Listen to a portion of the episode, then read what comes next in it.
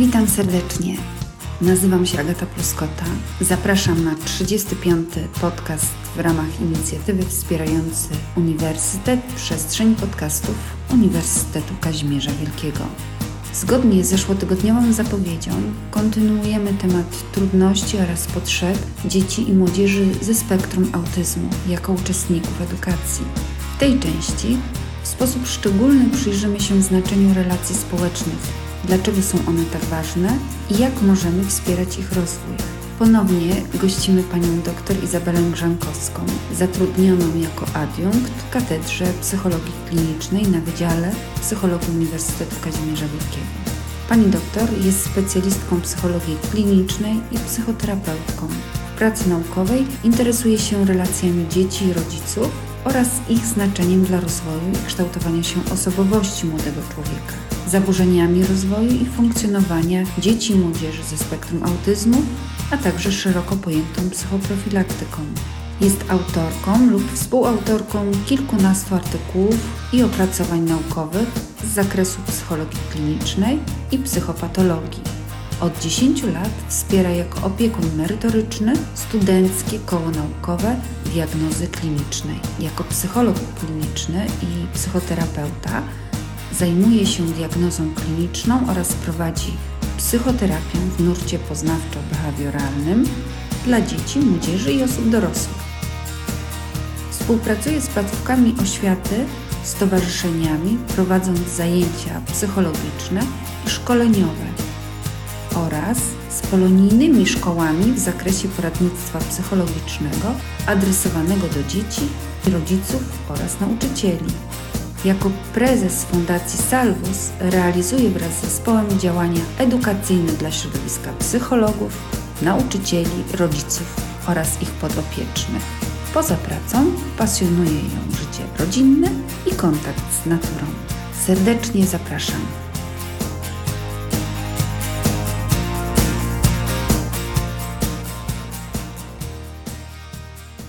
Dzień dobry Państwu.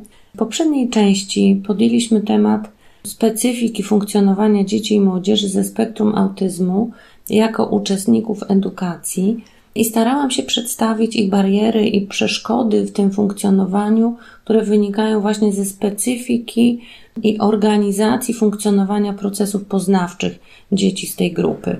Teraz chciałabym zaproponować przyjrzenie się kontekstowi społecznemu który towarzyszy edukacji, bowiem właśnie trudność w funkcjonowaniu, w interakcjach, podtrzymywaniu relacji społecznych, a także bariery w komunikacji społecznej niosą szereg trudności, z którymi borykają się dzieci i młodzieży ze spektrum autyzmu.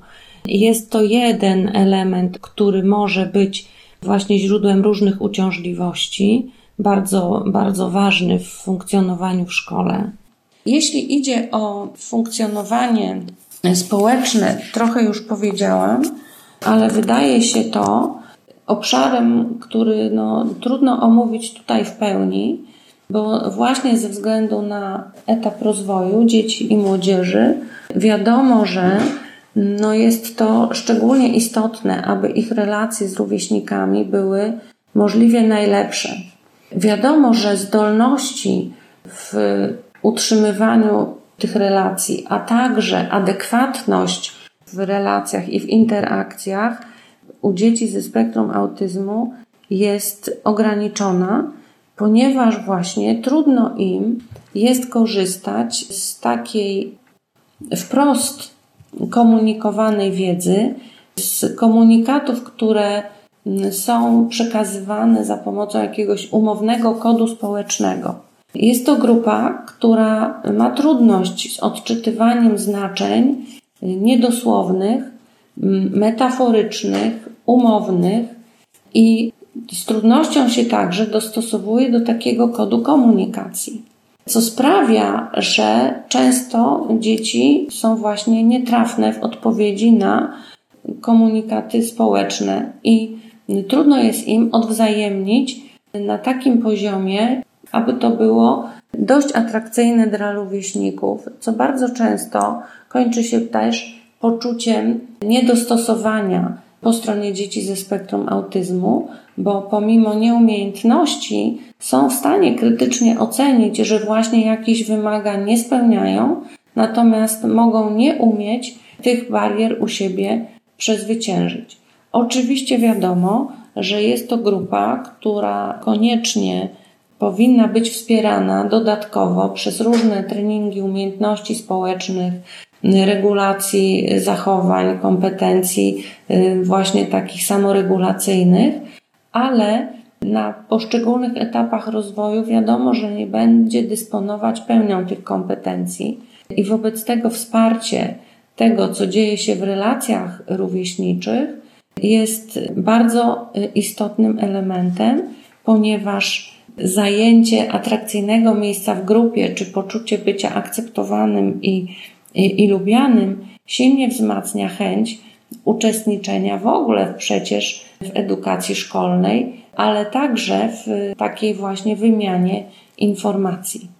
Bardzo jest to obszar wrażliwy i wymaga oczywiście wysiłku wszystkich stron, zarówno samego dziecka, jak i właśnie w tym kierunku, żeby dostosowywać się, uczyć i ciągle rozwijać te umiejętności, ale także wymaga ciągłej aktywności rodziców. No i bardzo byłoby dobrze, gdyby trafiało na wrażliwość nauczycieli. Warto jeszcze dodać, że jeśli idzie o specyfikę funkcjonowania, Kolejnym obszarem, który być może warto podjąć, a który często łączymy w takim obrazie, gdy mówi się o spektrum autyzmu, mówię tutaj o specyfice przetwarzania sensorycznego u dzieci i młodzieży ze spektrum autyzmu, ponieważ właśnie na tym poziomie jest wiele dysharmonii u tych dzieci i wiele nad i nie do wrażliwości, jeśli idzie o przetwarzanie zmysłowe. Oznacza to, że również właśnie z tego powodu ich reakcje w różnych sytuacjach, także tych szkolnych, społecznych, edukacyjnych, mogą być bardzo nietypowe. Co to oznacza? To oznacza, że u tej grupy dzieci jest bardzo zróżnicowany profil reagowania na bodźce zewnętrzne ze względu na przetwarzanie zmysłowe. I mogą się znaleźć w tej grupie dzieci nadwrażliwe na światło, na dźwięki, nadwrażliwe na dotyk. Z drugiej strony z tak zwaną niepewnością posturalną, która powoduje jakąś niezgrabność w poruszaniu się.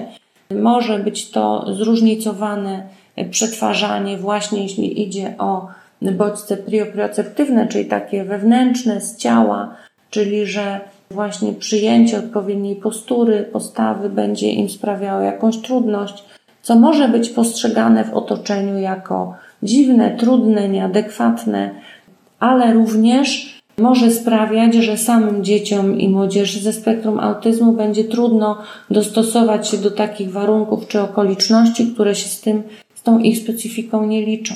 Czyli na przykład na głośnej przerwie lub w obecności głośnych jakichś niechcianych dźwięków lub przy ostrym oświetleniu będą się czuły gorzej, będą koncentrowały się na tych właśnie bodźcach, co będzie także w efekcie rozpraszać i utrudniać uczestnictwo w procesie edukacji. Więc w tym przypadku oczywiście z kolei warto zapewnić dzieciom pomoc, terapię w kierunku większej integracji sensorycznej, ale oczywiście warto także w bieżącym życiu uwzględniać to i ewentualnie zapewniać minimum komfortu, czyli na przykład próbować tak operować światłem i dźwiękiem, żeby było bardziej dogodne dla takiego uczestnika, lub pomóc jakby indywidualnie rozwiązać taki problem. Czyli na przykład w bardzo ostro oświetlonym pomieszczeniu pozwolić na założenie czapeczki z daszkiem na przykład. Albo posadzić takie dziecko w pierwszej ławce po to, żeby ograniczyć dostęp jakichś rozpraszających bodźców dźwiękowych z klasy szkolnej, w której dzieci oczywiście robią różne rzeczy. Ale także w tym edukacji, kiedy dzieci odrabiają zadania w domu, liczyć się z tym, że różne bodźce aktywności rodzinnej, domowej także mogą być źródłem rozproszeń i utrudnień, o czym pewnie rodzice takich dzieci szybko się orientują. W zasadzie to, o czym mówię, oznacza, że aby umożliwić efektywne uczestnictwo i korzystanie z y, różnych możliwości edukacji, warto jest zaopatrzyć się w wiedzę na temat tej specyfiki funkcjonowania dzieci i młodzieży ze spektrum autyzmu, poszerzać też znajomość konkretnego dziecka, ponieważ każdy z nich realizuje inny profil mimo wszystko tych y, symptomów, ale także odnosić się z pewną tolerancją czy elastycznością do tego, co dla nas niezrozumiałe w ich zachowaniu lub nietypowe. Na ogół jest to raczej efekt właśnie dyskomfortu lub jakiejś niemocy, jeśli te dzieci zachowują się nieadaptacyjnie. Mogą robić wrażenie jakoś niedostosowujących się, ale na, najczęściej wynika to z ich trudności w orientowaniu się w sytuacji, z ich barier w funkcjonowaniu i z ich specjalnych potrzeb. A bardzo rzadko z jakiejś tendencji do celowego zakłócania procesu uczenia się czy edukowania, zarówno tego domowego, jak i ewentualnie szkolnego. Zwykle dzieci z deficytami tego rodzaju to dzieci również właśnie ze względu na swoją dosłowność bardziej prostolinijne, nie poszukujące konfliktu, bardziej jednoznacznie funkcjonujące, ale także dlatego trudno im się odnaleźć w świecie niejednoznacznego przekazu, w świecie, kiedy inni nie komunikują wprost tego, co właśnie czują czy przeżywają, a więc po to, aby usprawnić także funkcjonowanie dzieci, warto próbować dostosować sposób komunikacji do ich zdolności percepcji, czyli bardziej otwarcie, bardziej jednoznacznie komunikować to, czego potrzebujemy lub wymagamy, żeby podwyższyć właśnie zrozumiałość naszego przekazu, a co za tym idzie, podwyższyć także poczucie zrozumiałości, przez poczucie zrozumiałości, poczucie bezpieczeństwa ponieważ z całą tą swoją specyfiką percepcji świata dzieci ze spektrum autyzmu często czują się zdezorientowane, zagubione, co sprawia, że jeszcze bardziej nasila się tendencja do usztywniania zachowań po ich stronie.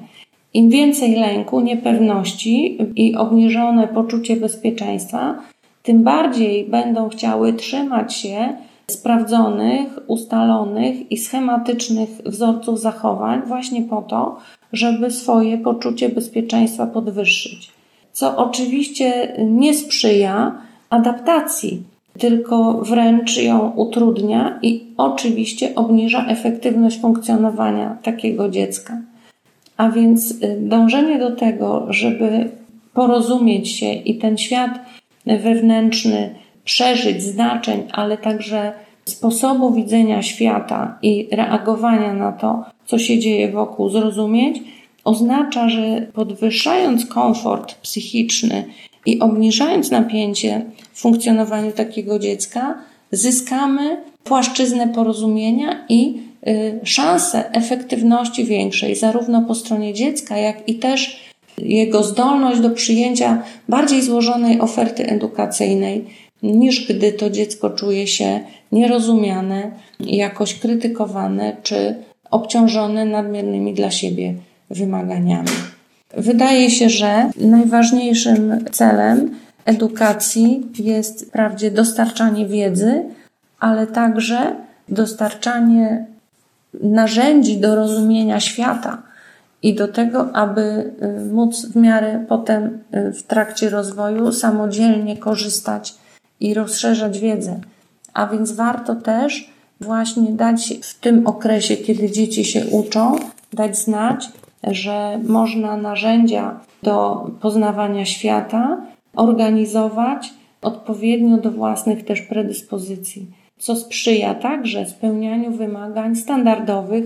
Tak y, podstawy programowej, bo im więcej wsparcia trafnego, adekwatnego dziecko ze spektrum autyzmu otrzyma, tym będzie bardziej w stanie odpowiedzieć na to, co standardowo wymagane zarówno w szkole, jak i też w takim ogólnym zdobywaniu wiedzy o świecie i kształceniu się w swojej samodzielności.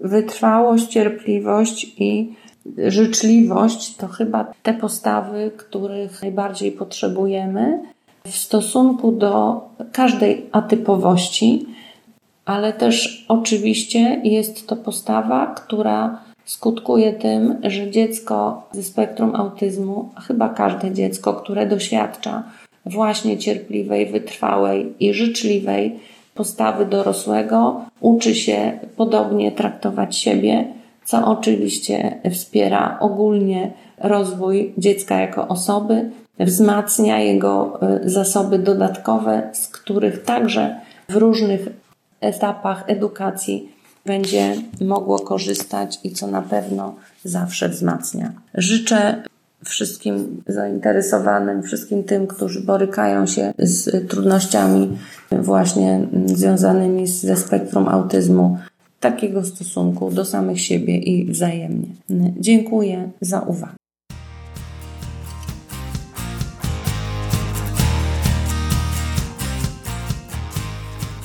Serdecznie dziękuję Pani doktor za poruszenie ważnego, trudnego i jeszcze mało znanego tematu. Państwu dziękuję za uwagę. Zapraszam na kolejne odcinki podcastów. Do usłyszenia.